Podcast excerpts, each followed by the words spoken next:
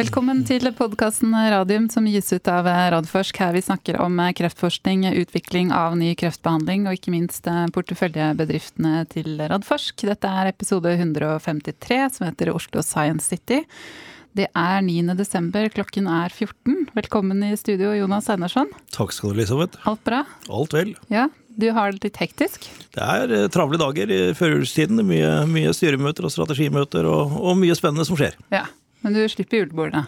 Julebordene de står vi over i år. Men eh, husker du i fjor, hvis vi skal gå ett år tilbake, så planla vi faktisk akkurat på denne tiden syv podkaster på DNB Nordic Healthcare Conference. Ja, det så det ble, kan du også tenke på at du slipper i år. Det, ja, det er litt synd, for det var gøy. Ja. Det er bra. Kan vi se, Oppmerksomme lyttere hører kanskje at det er noen som ler litt i bakgrunnen her, fordi vi er så innmari happy for å se hverandre, har vi funnet ut. Man blir litt sultefora på det når man sitter på hjemmekontor. Eh, veldig hyggelig å ønske velkommen til Kristine Wergeland Sørby, som er administrerende direktør i Oslo Science City. Tusen takk for det. Veldig glad for å være her. Ja, Så bra. Og så deilig med sånn bergensk lyd i monitor her. Pass på å ikke sitte for nærmt mikrofonene, da. jo da, det går bra. Og så er det veldig hyggelig å ønske velkommen til Veronica Barabé, som er administrerende direktør i Novartis Norge og styreleder i LMI, legemiddelindustrien. Tusen takk. Det er glede å være her. og det kan bli en lang podkast, tenker jeg, når vi først sitter og har det så hyggelig rundt det bordet her. En lang podkast med mye latter. Bare forberede seg for, eh, for lytterne våre. Um, vi skal snakke masse mer om, eh, om, Oslo Science City. Veldig spennende tema.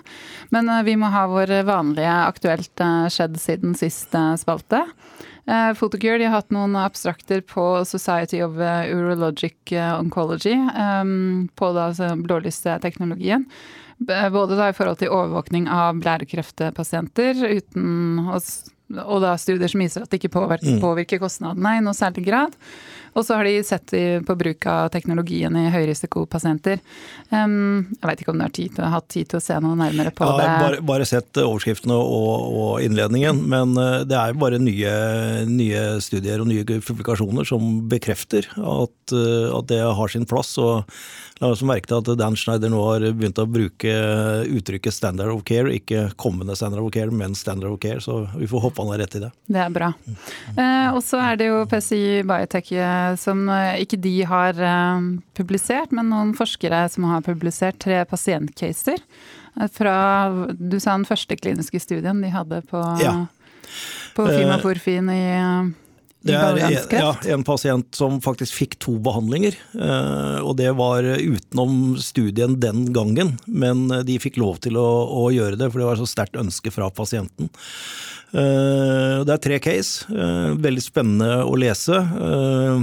Forfatterne understreker selvfølgelig at dette er case report og ikke, ikke noe som kan tillegges noe vekt i form av statistikk eller noen ting. Men, men det er veldig spennende, spennende å, å lese. og det er vanskelig å si noe annet enn at det, det tyder jo på at det har en viss effekt, da. Men så, mm. så positivt uansett. Det er bra. Vi har delt den på Twitter hvis noen vil gå inn og, lese den case-studien. Eh, ellers så er vi jo mm, midt oppi, eller eh, noen er midt oppi den digitale versjonen av årets Æsj-konferanse. Um, og for de som vil ha en oppsummering derfra, så har Dagens Medisin Arena et sånn post-æsj-hematologiseminar i morgen torsdag 10.12. klokken 16 til 18. Hvor de har fått med seg Fredrik Skjesvold, Arne Kolstad, Bjørn Tore Gjertsen, som skal snakke om ja, myelomatose, leukemi, lymfomer annet. Mm. Det så veldig bra ut. Ja, det er så hvis, hvis, man har tid, så kan, kan man se på det. Eh, ellers er det jo da neste uke DNB Nordic eh, sin Healthcare Conference. Eh, det er 15. Altså sju av våre selskaper presenterer seg, og så skal det da være den covid-19-delen som vi snakket litt om ja. Eh, forrige gang. Med presentasjoner fra både Biontech og Moderna. Og du skal være med i en oppsummeringspodkast. Ja. Ikke denne. Ikke denne. I en konkurrerende? Nei da. DNB sin podkast Utbytte. Så det, det, blir bra. Det kan vi si litt mer om når det, når det kommer. Um, men da må vi høre litt mer fra gjestene våre. Kristine, um, du er første gang du er med i podkasten. Veronica, du har vært med oss uh, noen ganger på Arendalsuka. Ja, stemmer. Men da går det så fort av gårde, så vi får aldri tid til å introdusere folk uh, ordentlig. La de introdusere seg selv uh, ordentlig. Jeg tenker, Kristine, skal vi først begynne med deg? Si litt om hvem du er, hva du leder. Ja, eh, jeg er jo da eh, her i dag fordi at jeg er administrerende direktør i Oslo Science City. Og du kan si at jeg er en person som har alltid jobbet med ganske komplekse utviklingsprosjekter, og det liker jeg godt. Og jeg liker veldig godt å jobbe med mennesker. Så det siste jeg gjorde før jeg begynte da i denne jobben, det var å lede arbeidet i Byrådsavdeling for næring og eierskap i Oslo kommune med å utvikle hele denne campusstrategien for Oslo, altså en strategi for å utvikle Oslo som kunnskapshovedstad og som næringsvennlig by. Hvor nettopp initiativet der, hovedinitiativet der, er å utvikle Oslo Science City som et innovasjonsdistrikt. Så du kan si at jeg er en person som, eh, som er glad i, i, å jobbe med andre mennesker, og glad i å få til ting eh, og prosesser, legge til rette for prosesser der eh, rett og slett én pluss én blir mer enn to. Så bra. Mm. Veronica? Nei, jeg er jo her først og fremst i regi både som daglig leder i et legemiddelselskap og også som styreleder i LMI. Og jeg har jo et hjerte som brenner for denne helsenæringen, uavhengig av akkurat den nisjen som jeg har jobbet mest i, da. Eh, og jeg syns jo det initiativet til, som vi skal diskutere her i dag, er utrolig positivt og sier litt om hvor vi har kommet innenfor helse.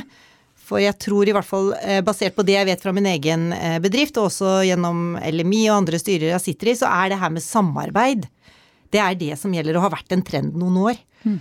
Uh, og det kommer til å bare bli mer og mer, for vi løser ikke alle helseutfordringer og, og utnytter alle muligheter alene. Vi må gjøre det sammen. Så mm. derfor så syns jeg det her er eh, et supert initiativ. Mm. Så bra.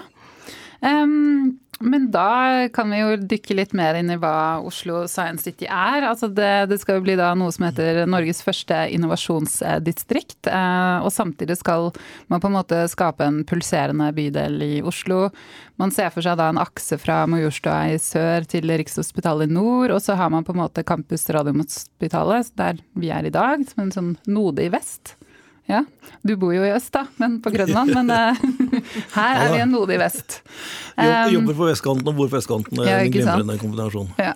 Um, men jeg tenker sånn når folk hører innovasjonsdistrikt, så er det kanskje litt sånn, litt sånn fluffy. Kan du ikke si litt mer om hva Oslo, City, Oslo Science City er, Kristina, hva som liksom, uh, ligger i det? Absolutt. Altså, Det er jo som sagt Norges eh, første innovasjonsdistrikt. Og i dette området som du nettopp eh, skisserte, eh, så kan du si at vi har også Norges mest kunnskapstette område. Eh, vi har over 300 bedrifter og startups der, men, og vi har 7500 forskere. Vi har over 10 000 sykehusansatte og 30 90 000 studenter eh, som er i området. Vi har landets beste universitet i området her. Vi har Universitetssykehuset.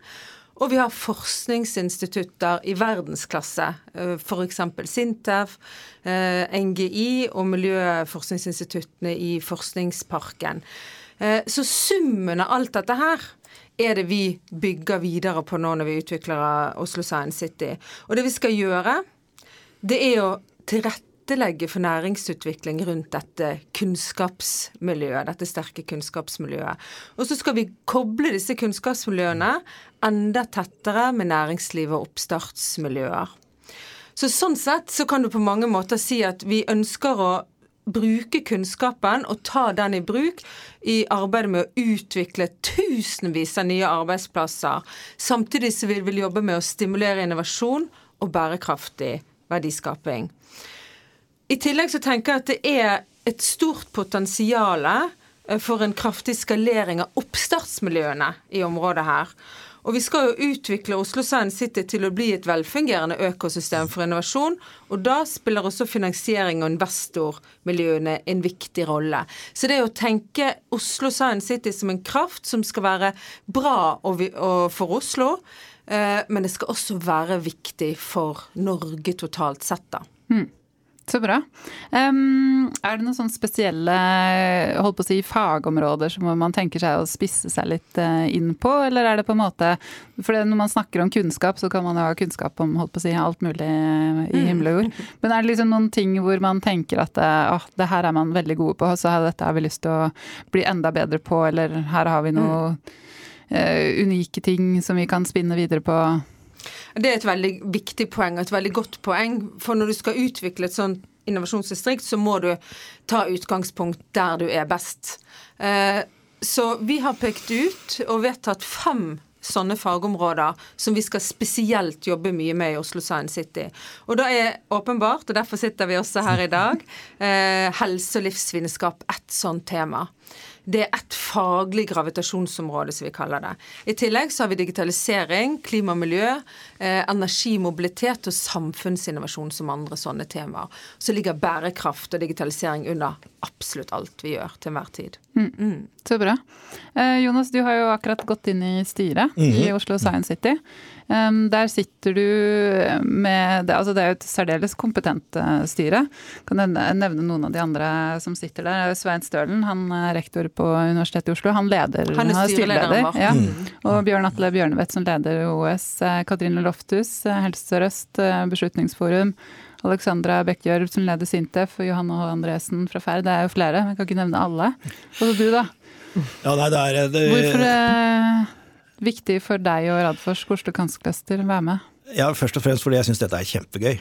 Uh, og jeg syns det er viktig. Og det er veldig viktig. Eh, Kristine uh, kom og besøkte meg første gang for tre-fire år siden, når du var i, i, kommunen, og fortalte om dette initiativet. Og jeg var vel litt sånn uh, Jeg har sett en del sånne initiativer de 20 åra jeg har holdt på med dette her. Gå, sett noen komme og gå, og var bl.a. med i et sånt forsøk fra Oslo kommune i 2003 eller 2004 hvor jeg fikk ideen om Oslo Cancer Cluster, å spisse istedenfor å lage en sånt uh, veldig bredt.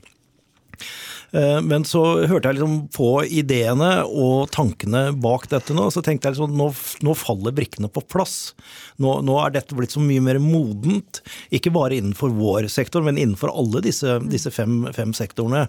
Og det å tørre å vise fram det vi har her i Oslo Det er litt kult at det er en bergenser som sitter og, liksom og, og skryter av absolutt alt det, det Oslo som det, det store nasjonale midtpunktet. Men det er jo sant, da. Og, og, jeg tenker at tiden er moden for dette nå, og samtidig som vi kan komme tilbake til, men samtidig som vi tumler med planer her om å virkelig utvide det, det vi har allerede, og bygge videre på, på det vi har. Uh, og selv om ikke vi ligger i denne aksen og det er, er Node vest, så er jo det vi har bygd opp her veldig, veldig likt tankegods som det som Kristine og co. Eh, jobber med nå. Så, så dette, dette har, jeg har trua på dette. Mm, så bra. Jeg kan bekrefte at han var en viktig både faglig inspirasjonskraft og som person da, en viktig inspirasjon helt fra vi jobbet med campusstrategien. Mm. Ja, det vil jeg tro. Jeg har jo hatt gleden av å jobbe med Jonas i veldig mange år. og han, Du er jo en visjonær. Og da, der hvor folk liksom tenker at ah, det her går jo ikke, så er jo du sånn jo, men det er her Her er det ikke snakk om å tenke, tenke, ut av boksen. I realfolk har vi aldri sett boksen. ikke sant. Det er noe med det. Men um, det som jeg har skjønt er altså at Man skal tilrettelegge for næringsutvikling. og det er jo på en måte, Man har, man har forskning, man har det offentlige i dette området. og så har Man altså man har en del startups. og så, men, men, det som på en måte brikken i puslespillet her, det er jo næringen. Altså næringsutviklingen. Det er sånn dere kommer inn, eh, mm. Veronica. Hva, mm. hva er det du Altså det med Oslo Science City, hvordan hva tenker du sånn sett fra ditt ståsted, hva, hva må man liksom legge til rette for at dette skal bli interessant for næringslivet? Altså Både nasjonalt, men også internasjonalt. Mm. Komme for å samarbeide, for å mm. legge investeringer mm. her. Den derre vertskapsattraktiviteten som man snakker så mye om i sånne ja, situasjoner. Absolutt. Um, nei, jeg, jeg tror, uh, og det har vi vært litt inne på, det er å være veldig tydelig på hva Oslo Science City kan tilby. Være veldig tydelig på det, for det er jo ikke bare en norsk trend. Det her skjer jo litt overalt, og noen land ligger jo noen år foran nå. Så jeg tror tydelighet eh, er viktig. Eh, og så tror jeg også det at um, i hvert fall hvis jeg tenker internasjonalt, så skal man ikke prøve å være så norske. Vi skal liksom uh, ta på oss litt store sko, altså. Og vise hva vi er gode på. Og jeg har nevnt det før, men i ditt eget firma så hører jeg hele tiden når de snakker om Norden, så snakker de om Karolinska. Mm. Så liksom hvordan ta på oss ordentlig sko, store sko, og liksom den store dressjakka og alt, og, og skryte av det vi ønsker å få til. Og så tenker jeg at så fort som mulig at man har noe konkret man kan vise til, så gjør det så stort som mulig.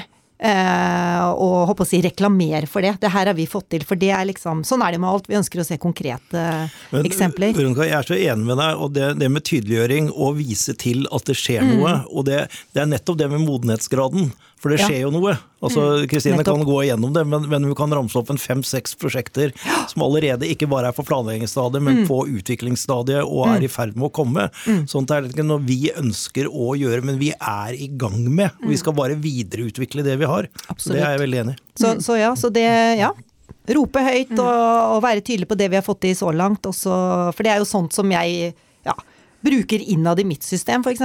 Mm. Uh, så, ja. ja. For det handler jo om å lage den kraften, altså når flere aktører samler seg mm. om noe, som du Jonas har også vært veldig flink til her på, på Campus Radiumhospitalet mm. og, og på Cancerclusteret her. Det å f.eks. nå utnytte effektene av eh, hele livsvitenskapsbygget og satsingen med livsvitenskapsbygget, hvor også nå Oslo universitetssykehus går inn i selve bygget med 30 000 kvadratmeter mm. eh, fremragende forskning, som skal da mm. samspille godt med, med resten av forskningsmiljøene på universitetet. Kjempeviktig. Mm. Eh, og da, når du i tillegg har en eh, bygging av et helt nytt stort sykehus eh, mm. I byen her, så, så, vil det bare forsterke hele denne kraften. Og da vil også samspillet som vi, vi, ønsker nå å etablere, og invitere faktisk næringslivet inn i, til å være med å skape Absolutt. Oslo Science City sammen med oss, mm. det, blir, det, blir, en ny måte, tror jeg, å gjøre ting på, og jeg tror det blir veldig, veldig positivt. Så vi tenker at vi kan være en, en, en aktør som klarer å samspille, klarer å samle miljøene for godt samspill på tvers av både akademia, det offentlige og det private. Og der er det veldig mange aktører som skal kobles på for å få dette til å bli den kraften. Men jeg ser, som Jonas sier nå, jeg tror det er et viktig poeng, eh, det ligger veldig mange faktorer til rette nå for at vi skal lykkes. Mm. Ja, og jeg tror eh, tiden er veldig moden er, ja, jeg tror det er mange som er klare. Mm. Eh, det her med samlokalisasjon, det mm. betyr mer enn vi tror, egentlig. Mm. mm. Og kanskje ser man det litt ekstra i disse tider, hvor man sitter på dette hjemmekontoret. jo flere, jo bedre. Ja. Så, ja. fordi Da ser man jo også virkelig den verdien det er av all denne kaffepratingen, eller den der uformelle pratingen mm. som man har eh, rundt omkring, hvor man på en ja. måte heller nå kanskje setter opp et Teams-møte eller tenker sånn derre ja, jeg sender en mail, liksom. Og så bruker man veldig mye lengre tid på det. Går glipp av egentlig så mye mer annen informasjon. Absolutt. Så ja. Mm. Vi, ser, vi, ser, jo det veldig tydelig nå i, i disse tider. Altså jeg får knapt nok komme inn på kontoret mitt, for vi har laboratorier i, i etasjen som vi prøver å skjerme. Og, og mister helt dette med mm. å, å, møte folk i gangen, og ikke minst at du sitter med kontordøra åpen og folk kan bare komme inn og stille spørsmål. Og, mm. og så sier jeg nei, da går vi bort i gangen og henter han eller hun, og så tar vi en prat om det. Og mm. hele denne dynamikken som jo er motoren i et sånt innovasjonssenter, mm. det, den, den blir borte nå, så den eh, gleder jeg meg veldig til å, å få tilbake. Og så tror jeg også det er viktig å si at dette her er Oslo Science City, men det er en nasjonal satsing. Mm. Uh, og jeg tror kanskje at uh, Oslo Science City skal få lov til å få sin første fjær i hatten med å være svært delaktig i å redde livsvitenskapsbygget. Mm. Fordi det var helt tydelig meldingen jeg har fått tilbake, at helt opp til Erna Solberg så var det sånn dette må vi få til, for dette er en del av Oslo Science City. Det er kanskje signalbygget i Oslo Science City, og vi kan ikke gjøre det om til en brakke. Det må liksom være det det skal være. Og da har man funnet en genial løsning med å få mm. inn Oslo universitetssykehus mm. og forskningen. For da får du liksom plutselig så har du Universitetet i Oslo og Oslo universitetssykehus i sambygg. Mm. Det er jo bare en kanonstart ja, på hele prosjektet. Fantastisk, mm. rett og slett. Men, men, eh, du sier du brenner for, eh, for helsenæring, Veronica. Det er jo mm. noe som vi også er veldig opptatt av, den næringsutviklingen. Altså, vi fikk jo den stortingsmeldingen i fjor, og der er det liksom påpekt det med at eh, kultur for samarbeid er så viktig. Altså samarbeid mellom det offentlige og private. Um, Og det er jo noe som har vært, eh, holdt på å si, vært og er til dels litt komplisert innenfor for helse. Det er ikke alltid det offentlige har vært like interessert, eller enkeltforskere eller enkeltklinikere. Mm. Har du også sett en forandring der? Ja, jeg, ja jeg, jeg, tror jeg har sett en forandring her, for man er ja, man kan fortsatt være litt sånn skeptisk, for nå prøver jo legemiddelbransjen, eller prøver, vi må være mer relevante enn akkurat de medisinene vi leverer. Vi må løse større spørsmål og problemer enn det. Og da har vi jo opplevd noe, men det er mer kanskje historikk, at vi har opplevd hvorfor vil dere det? Ja. Eh, What's in it for you? Ja, ikke sant? Hvorfor kommer dere inn her? Vi har et fantastisk prosjekt med Ahus som går strålende, så det har ikke vært noe med, med i forhold til maskinlæring og artificial intelligence, mm. ikke sant. Um, så ja, jeg føler at uh, nå kan man i hvert fall si at nå har vi jo Vi kan høre ting som nå har vi pålagt å samarbeide, det står i helsenæringsmeldingen. Eh, litt. Men jeg føler at Vi har nok et stykke igjen, men jeg føler at det er Det er i hvert fall noe man kan snakke om, da. Mm. Før så har man kanskje ikke sagt det. Eh, men jeg føler at, at, alle ønsker det samme og ser at to pluss to kan bli fem og ikke fire. Mm. Jeg tror jeg kan løfte fram eh, helsenæringen i form av at også Big Pharma og selskaper som Novartis kommer over på the good guy-siden som en viktig samfunnsaktør. Og det er viktig å spille videre på også det som skjer nå.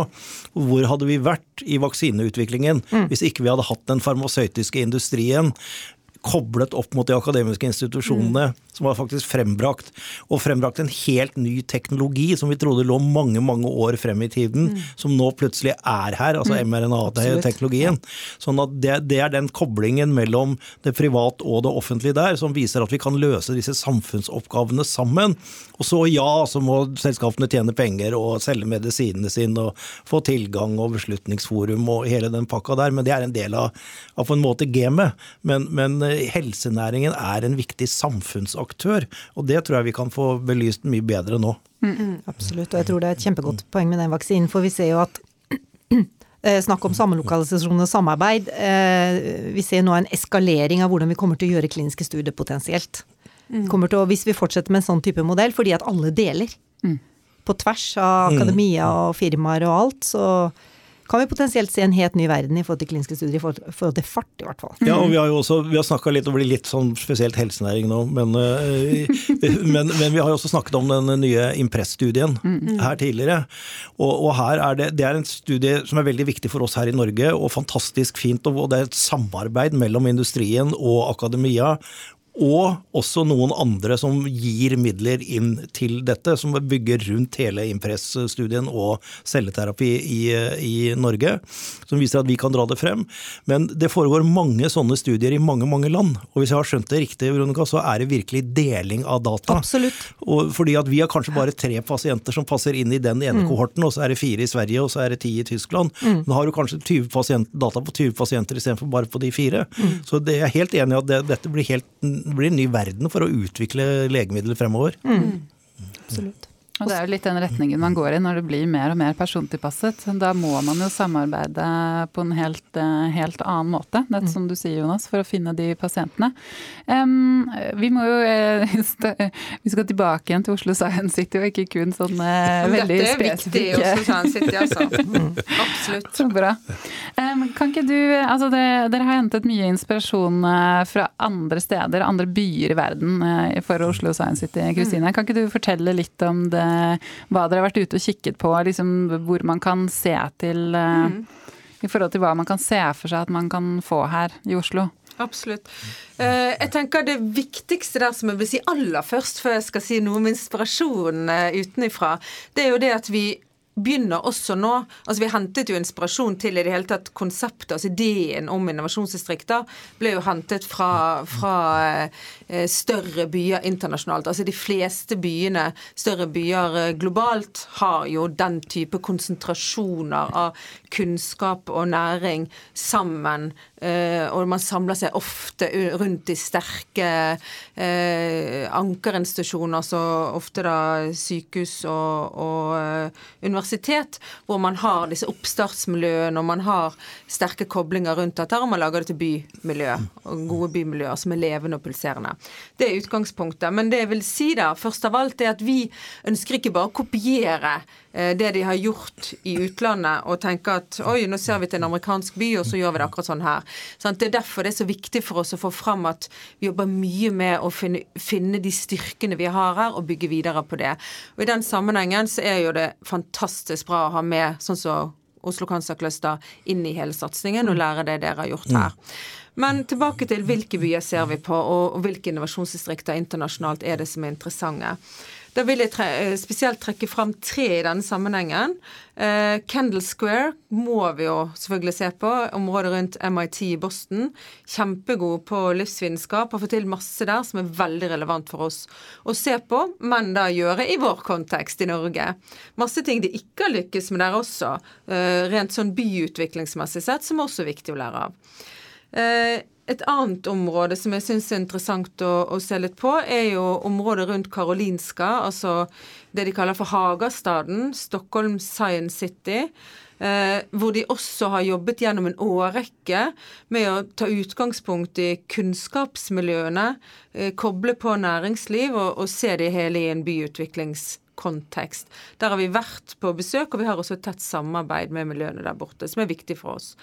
Uh, sist, men ikke minst, så i denne sammenhengen så har jeg faktisk lyst til å trekke fram um, White City i, i London, som, uh, hvor Imperial College har lagt sin nye, annet sin nye kjemicampus. Eh, fantastisk spennende sted. Jeg har vært der flere ganger og besøkt de. Og der har jo også nå Novartis lokalisert en av, en av sine kontorer og forskningsavdelinger. Eh, jeg syns hele det samarbeidet som de har uh, etablert der, og som vokser for hver gang jeg snakker med de, er veldig spennende. Så det hadde vært gøy for meg også å høre litt mer fra Veronica om, om hva de har fått til der. Og vi kommer også til å invitere Veronica Veronica og, hennes gjeng, altså Innovartis, til å være med og komme med gode eksempler direkte fra dette miljøet inn i arbeid, utviklingsarbeidet som vi jobber med nå. Mm. med, med, utvikling av Oslo Science City fremover. For vi trenger gode eksempler ute, men vi må oversette det til vår kontekst. Mm. Si litt om det, da, Veronica. Ja, jeg kan jo bare si at det er jo sånn eh, med firmaer at vi har jo leiekontrakter og sånne ting. Og det som skjedde i England, var at eh, de var jo ute på landsbygda i Firmly. Eh, og da kom man til et poeng hvor man skal vi fortsette å bli her, eller skal vi tenke nytt? Og da er det I England har man vært kjempeflinke i Nortis til å samarbeide på tvers med mange. Og mange oss land som ikke har forskningen i landet, tenker jo sånn nå for å hjelpe til i landet, og spesielt innenfor helseutfordringer. Så, så det var jeg, ikke verre enn at de tenkte da må vi flytte dit hvor vi har samarbeidspartnere, eller potensielt nye samarbeidspartnere. Og det er som du sier, de er jo nå vegg i vegg med Imperial College. De har masse oppstartsfirmaer. Miljø rundt, så det var egentlig mm. tanken. Infrastruktur. Og... Infrastruktur, Å være i nærheten av der det skjer. Og også i nærheten av denne triangelen de snakker om i, i England. Um, og de hvis jeg har forstått rett, så har de nå, det de har gjort mer nå, er å opparbeide litt strukturer for faste treffpunkter og, og ha problemløsningssession sammen som er lettere fysisk. Og så kommer selvfølgelig covid da midt oppi alt det her, så nå står det litt sånn stille. Men, men prosjektene går jo.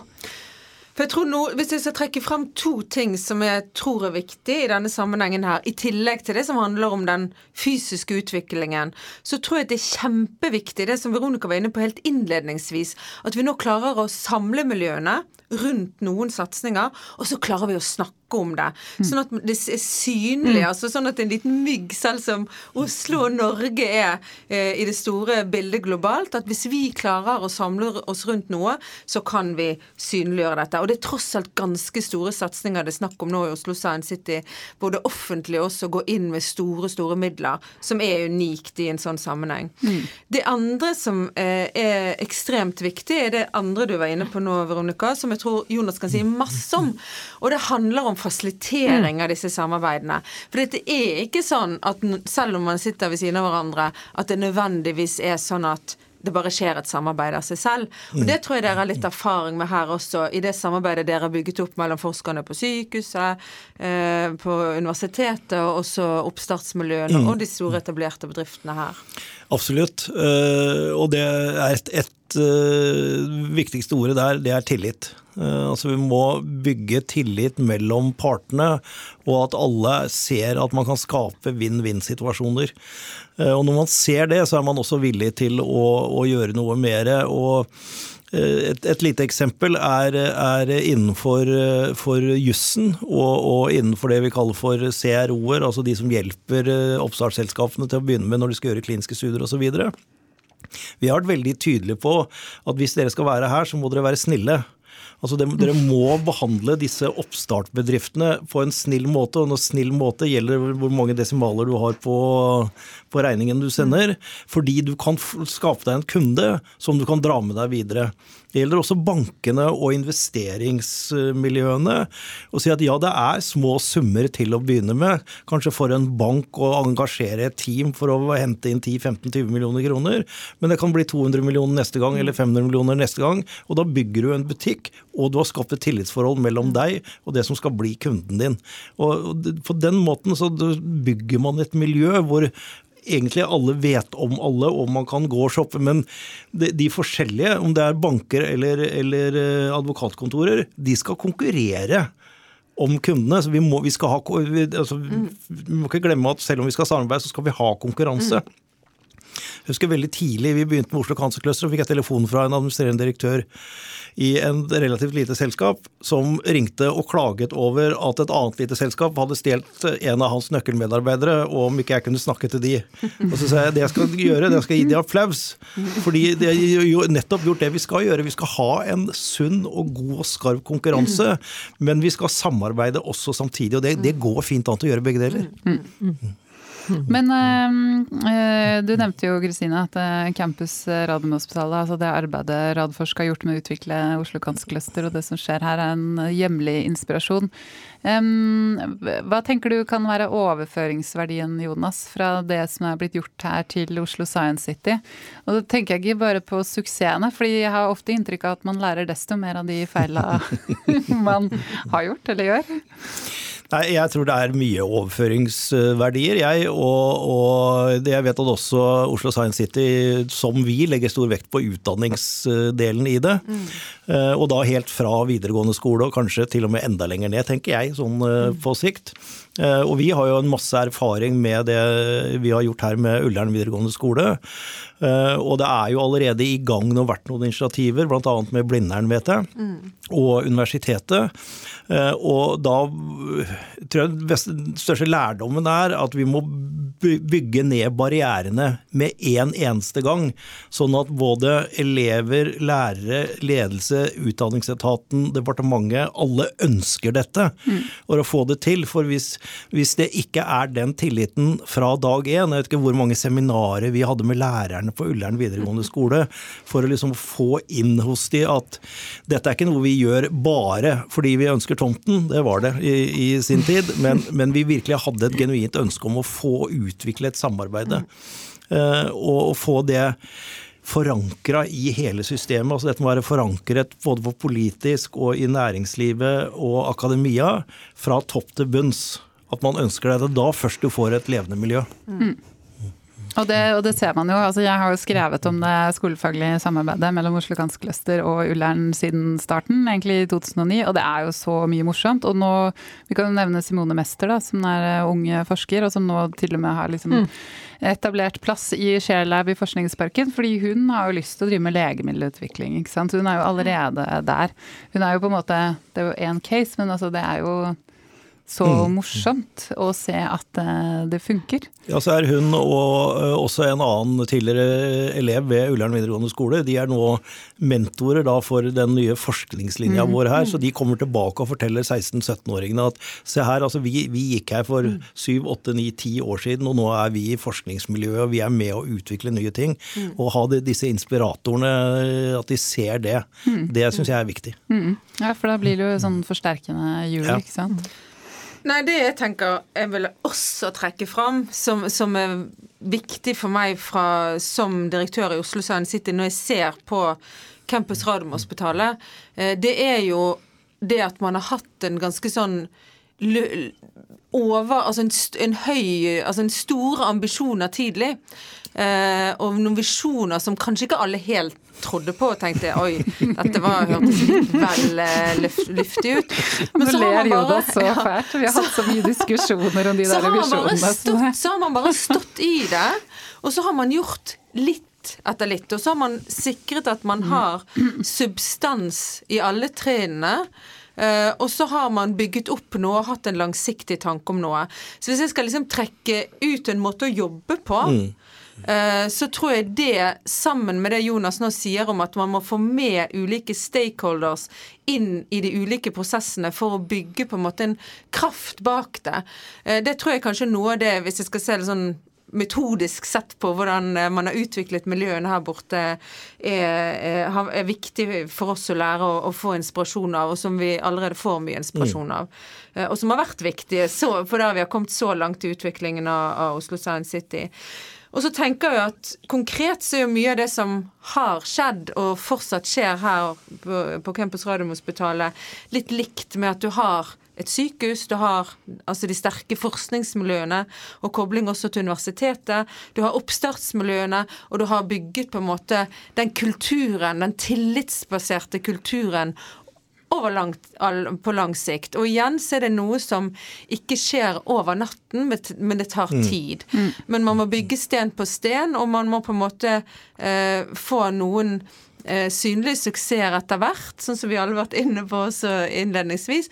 Man må ha, klare å ha den der, de der høye visjonene og de litt sånn ville visjonene, de må vi ha sammen, da. Mm. Og de må vi ha, for ellers så kommer vi ikke husker vi hadde diskusjoner om det vi skulle liksom bli et hva var det du sa for noe, senter for eh, verdensledende senter innenfor kreftforskning og utvikling, eller om vi skulle holde oss på det europeiske nivået. Husker egentlig aldri hva vi landa litt på der. Men det går kanskje litt på det du sa i begynnelsen, Veronica. Altså, da var man i hvert fall tydelig om hvor man ville. Ja. Ikke sant? Ja, og så tror jeg mye på eh, jeg skal ikke repetere alt som jeg sa, men det som sies om å være snill, ha et ønske. Det er mye som ligger i motivasjonen. Mm. Og så er det veldig det å ha et åpent sinn. Ikke sant? Å være liksom nysgjerrig på nye samarbeid og, og, og det er jo ingenting som er så gøy, eller kanskje det er bare meg, men som å sitte sammen et sånt team hvor man kommer fra ulike verdener og har et felles mål. Mm. Og ønske å gjøre noe bra her. Jo, for meg er det mm. det optimale samarbeidet. Mm. Og det er det her klare vinn-vinn. Mm. Det er en, en, annen ting der som du sa i stad, Veronica, som jeg syns er det var spennende å høre, det var at du sa at når dere, når dere skulle flytte på dere i London, så ville dere være der, der hvor det skjer. Mm. Altså med samarbeidspartnerne og der hvor det skjer. Men da må det være noe som skjer der. Og det er det som vi må vise i Oslo Science City. at det er, Hvorfor skal det komme hit? Jo, for det her er det faktisk innenfor disse feltene så mye spennende som skjer. Mm. Som dette japanske selskapet kjøpte vårt lille selskap om Community, så flyttet de hele sin AI-satsing fra Tokyo til Oslo. Da, da, er vi liksom i ferd med å mm, skape noe Logisk sett så burde det vært omvendt, ikke sant? Ja, det var det man ville trodd. Men, men, det miljøet, det selskapet, var så godt forankra mm. i forskningen her mm. at det var ikke bare de 15 eller hva det var i det selskapet, men det var de 20-30-40 andre på universitetet og på sykehuset og på instituttet som de jobbet sammen med, som du ville ødelegge det miljøet hvis du flytta disse mm. personene. Mm. Og det er det som kan tiltrekkes, og det, jeg har en sånn eh, hårete visjon til jeg, om at jeg ønsker at flere som Novartis og andre av de store selskapene skal drive aktiv forskning i miljøet vårt. Å bygge opp en forskningsavdeling, enten det er ved siden av livsvitenskapsbygget eller det er her, her hos oss.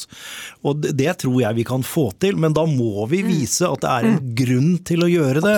For det er liksom what's in it for ja. me for, for, de store selskapene.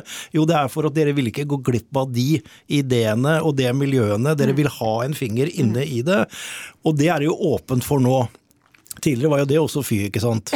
Så jeg holdt på med dette i 20 år, så jeg ble beskyldt for å gå over til the dark side fordi jeg skulle begynne å forhandle med industrien. Så, så det, det, har jo skjedd en del på kulturfronten nå, da. Absolutt. Det har jeg absolutt. Men jeg tenker på det, det Jonas uh, sier her. altså Novartis er jo et av de største legemiddelselskapene globalt. Og dere er vel et av de største selskapene i Norge også. Dere er i hvert fall det selskapet som har flest kliniske studier på sånn mm. ca. 50 stykker som, ja. som er i, i Norge. Um, og det, når da Jonas snakker om dette forskningssamarbeidet, at dere liksom legger forskninga deres hit, hva, hva tenker du? Hva, hva er det man må ha her da, for at dere skal gjøre det?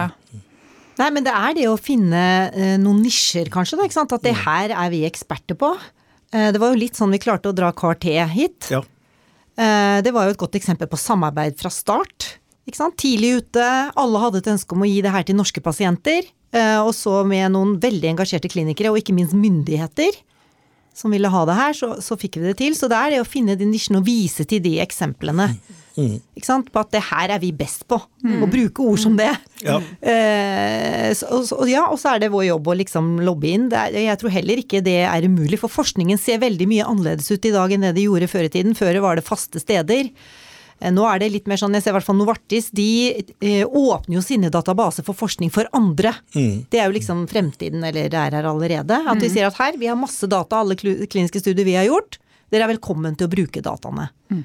Så forskning kan jo være mye, da. Men ja, jeg tror absolutt Mulig en hårete visjon, men det mulig at, jeg, at vi kan komme dit. Det er det som er spennende også, tenker jeg. Det, det, å bygge de sterke nisjene, og at de nisjene begynner å samarbeide også. At du får disse konvergensmiljøene sant, i forhold til helse og livsvitenskap. At det blir åpenbart koblet veldig tett til digitalisering. Mm. Og det blir jo også veldig drivende i alt det vi gjør eh, i Oslo Science City nå. og og samarbeider med alle miljøene om, mm. det er jo nettopp det. Hva er det vi er sterke på? Eh, og hvilke samspillseffekter har vi når vi kombinerer det med, med de ulike miljøene sammen, da, sterke miljøene sammen. Mm. Og jeg kan bare legge til at det man ser allerede fra et norsk perspektiv utenfra, det er jo de her helsedataene. Mm. Så hvis vi kunne fått inn noe ordentlig bra rundt det, for det får vi spørsmål om regelmessig. Mm. Hva slags type registre vi har, hvordan tilgang vi har til data, og hva slags data. Så det er en sånn ja, det er jo mer enn en persepsjon, det er jo fakta. Mm. Ja.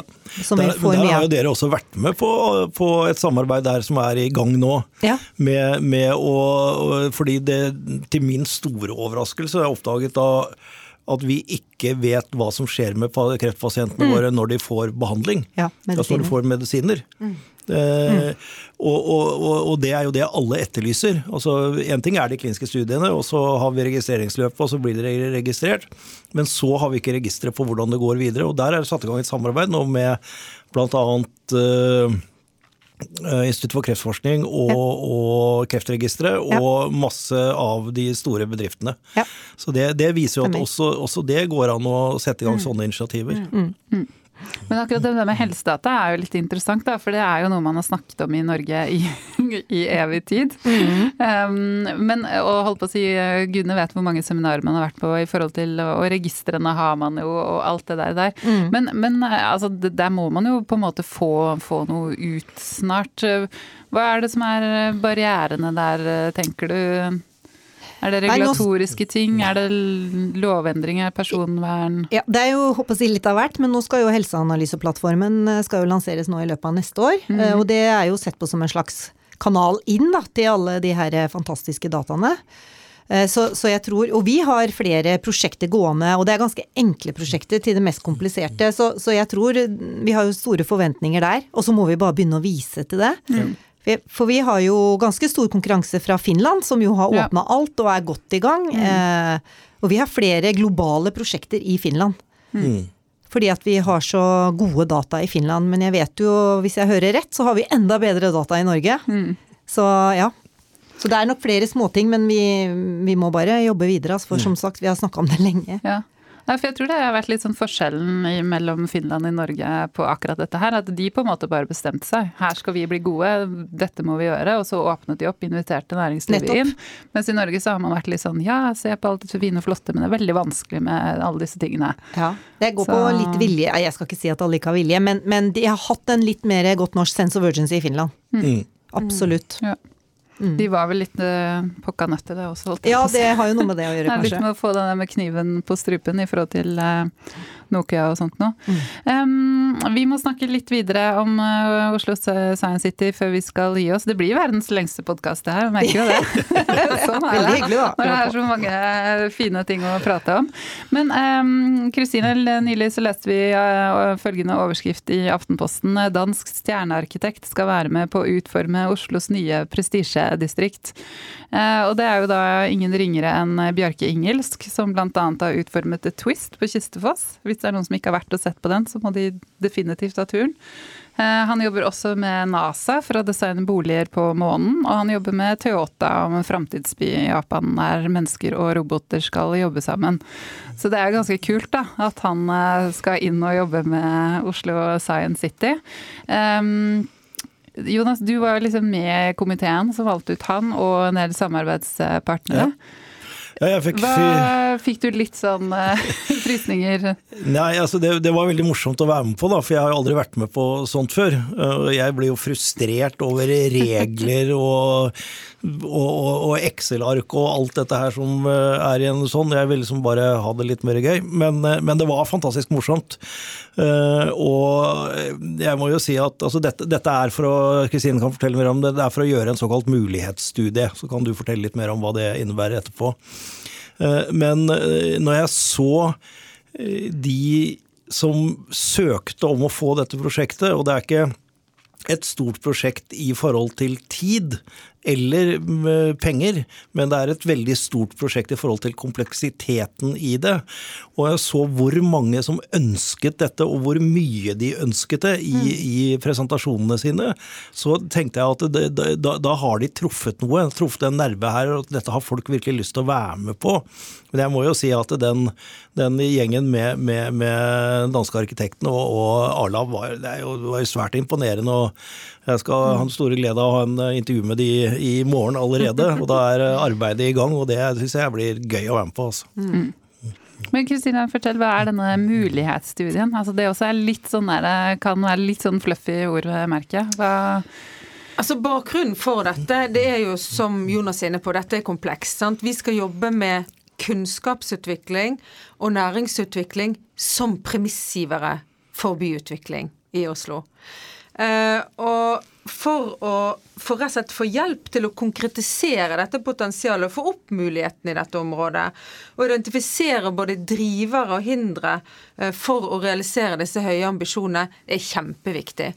Så det vi skal gjøre nå, er rett og slett å få fram fremtidsbilder for hvordan dette området kan utvikles de neste 25 årene. Og grunnen til at vi må ha så langsiktige mål, det handler bl.a. om at dette skal gi innspill til rulleringen av kommunens arealdel, sånn at vi i det hele tatt klarer å utvikle området. Men det det også skal gi innspill til, det er jo hvordan hele dette økosystemet faktisk kan utvikles og fasiliteres. Og da har vi med som et eget punkt, Veronica, hva er de la lavthengende fruktene. Hva skal vi jobbe med først og sist? Ja. Så det som er viktig i dette arbeidet her sant? Vi har fått et team som består av byutviklere. Noen av verdens beste byutviklere. Vi har fått noen av verdens, nei, Norges beste byutviklere som er kjempegode på Oslo. A-lab. Vi har fått Komte byrå som jobber med å designe prosesser for nyskaping og utvikling. Og vi har fått med oss noen av Norges beste ingeniører, Civitas, eh, på laget. Summen av disse her, de skal jobbe tverrfaglig med oss for å få opp dette mulighetsstudiet. Så det blir oss både prosesser da for å generere opp framtidsbilder i første fase, og så skal dette oversettes til byutviklingsgrep i andre fase. Så vi vil kjøre åpne og inkluderende prosesser hvor vi ønsker å invitere med sånn som Veronica og hennes firma og mange andre, både forskere, studenter, folk som bor i området, vi ønsker å, invitere folk på sykehuset. Vi ønsker å invitere næringsliv, oppstartsmiljøer, eh, virkemiddelapparat. Altså alle som har en eller annen viktig stakeholder, altså en interesse i, eller kan være med å påvirke hvordan Oslo Science City skal utvikle seg i fremtiden for at vi skal lykkes med denne ambisjonen. Og simpelthen få dette til å bli bra for Oslo, men ikke minst, som Jonas var inne på, viktig for Norge. da. Mm. Så, da, så det, det, dette blir en kjempeviktig prosess for oss, og en ganske avgjørende prosess eh, for å invitere alle mulige viktige aktører til å være med og spille inn, så vi former dette, både prosessen og, og innspillene på riktig måte.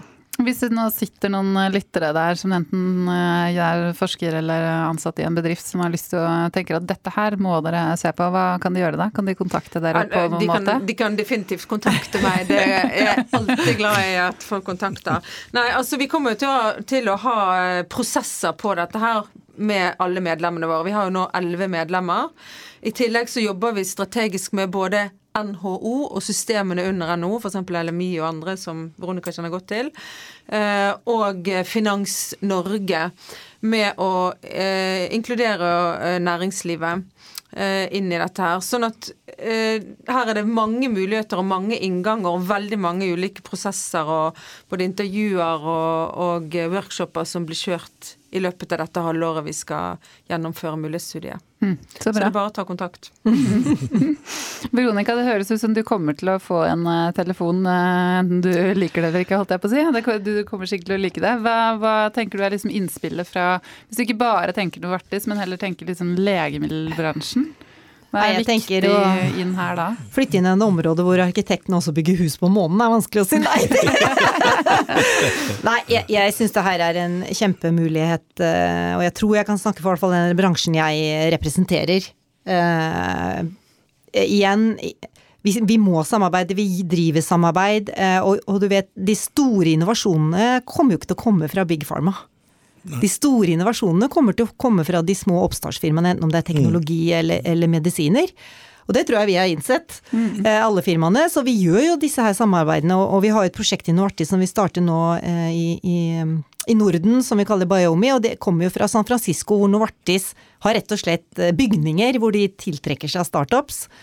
Eh, nå kan vi kanskje ikke ta bygninger i Norge, men vi ønsker å ha samme filosofi i Norge. Og det er klart, eh, sitter vi i samme lokale, eller i hvert fall bygget ved siden av, så nei, så jeg som sagt, jeg er entusiast på vegne av det her. Og med alle de eh, aktørene som Kristine her forteller som har kommet med på laget, så sier det jo noe om seriøsiteten. Mm. Selv om det er hårete ambisjoner og visjoner, så er det jo en god gruppe kompetanse som bare er med her og planlegger. Så nei. Ja, Det blir veldig spennende å følge. Jeg tenker jo sånn eh, litt sånn parallelt eh, for en som har bodd i Oslo utafor Oslo hele livet. Sånn som Fjordbyen mm. Oslo. Det at man har klart liksom å åpne Oslo opp til fjorden, se hvor fint det er liksom blitt med alle det spennende som skjer når du, når du nå reiser liksom, mm. går, går, ned til operaen og kan gå liksom hele veien til Bygdøy, om du mm. vil det, liksom. Um, og se på en måte at man kan klare å kanskje få en sånn pulserende, levende mm. bydel. Fordi det er jo litt det man også vil til. ikke sant? Det skal jo være et sted man kan gå ut og spise, eh, mm. finne på ting etter jobb, hva nå det enn er for noe. ikke sant? Live, work and play. Ikke sant? Oi! det høres fristende ut. Jo, absolutt. Ja, men det er jo viktig. Mm. Og der kan du jo se, hvis du sammenligner eh, litt med Fjordbyen Nå er jo Fjordbyen et totaltransformasjonsområde. I Oslo Science City vil vi jo bygge på alt det vi har. Mm. Så sånn sett så er det forskjellig. Eh, men det som er viktig med Fjordbyen å lære av, er jo igjen den langsiktigheten. Vi har jo jeg har hatt en av, en av disse som har vært sentral i den utviklingen eh, fra plan og bygg i Oslo kommune siden tidenes morgen. Eh, litt som, som en sånn mentor inn på deler av arbeidet. Og, og sant, når han sender med disse rapportene og dokumentene som de utarbeidet på starten av 2000-tallet, så ser du hele utviklingsrekken.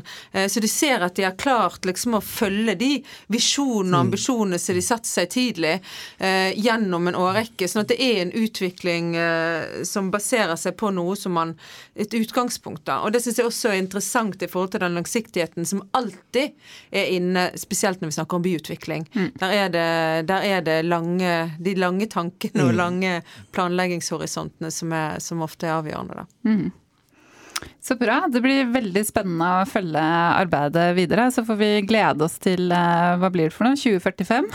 Da er det ferdig, si. Kan vi Da er det ferdig. Nei, vi, det som, som, er veldig opptatt av det samme som både Jonas og Veronica har sagt nå, vi ønsker å vise og synliggjøre både prosjekter og satsinger, små og store ting, i tidlig tidspunkt. Sånn at, og det tror jeg også vi har begynt å gjøre til en viss grad allerede. Mm. Så jeg tenker dette her kommer til å bli et fantastisk spennende sted.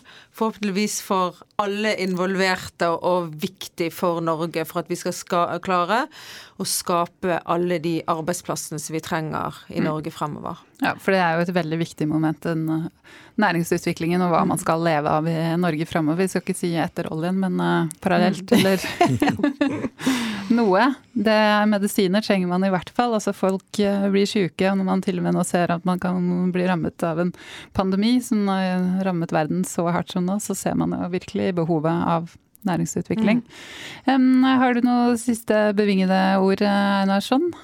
Ja, altså jeg syns dette her skal bli veldig, veldig, spennende å følge videre. Og, og parallelt med dette, så, så, og som en del av Oslo Science City, så har jo vi store planer om å utvikle videre her Campus Ramsdal er slett, slettes ikke ferdig. Vi skal ha flere nye Du har noen hårete planer, si? Ja, jeg har noen hårete planer med flere nye byggetrinn og, og, begynner å få kontroll på en del tomter rundt, på, rundt, oss her, så det skal vi utvikle videre. Så hvis Novartis trenger bygg til Biomi her, så er det bare å, bare komme igjen, Veronica. Jeg er klar, jeg. Absolutt. Takk, takk for det. Har du med deg kontrakten nå, eller? Ja. Skal sjekke leieavtalen først. Det, det, det, det, er litt tidlig. Vi er, vi er litt tidlig. Ja. ja. men Så bra. Eh, tusen hjertelig takk for at eh, dere kom i studio. Kjempespennende. Eh, vi har én podkast igjen før jul mm. neste uke. Da kommer Ultimovax, ledelsen der. Så hvis man har noen spørsmål til de, så er det bare å sende til meg på mail eka.radforst.no eller på sosiale medier tror det blir den siste podkasten før jul, men uh, skal aldri si aldri. Enten det, eller så deltar jeg på hytta, på telefon fra hytta. Så det, det får du bestemme. Alt er mulig nå. Så på julaften så må jeg reise inn hit og ringe opp deg. Nei da. Det var mer en sånn, Vi vet jo at det er kanskje noen selskaper som kommer med noen oppdateringer før jul, så men skjer, skjer det noe ekstraordinært, så får vi ta det over jul. Jeg tror vi trenger litt juleferie i år. Det etter det året her. Ja. Flott. Takk for i dag.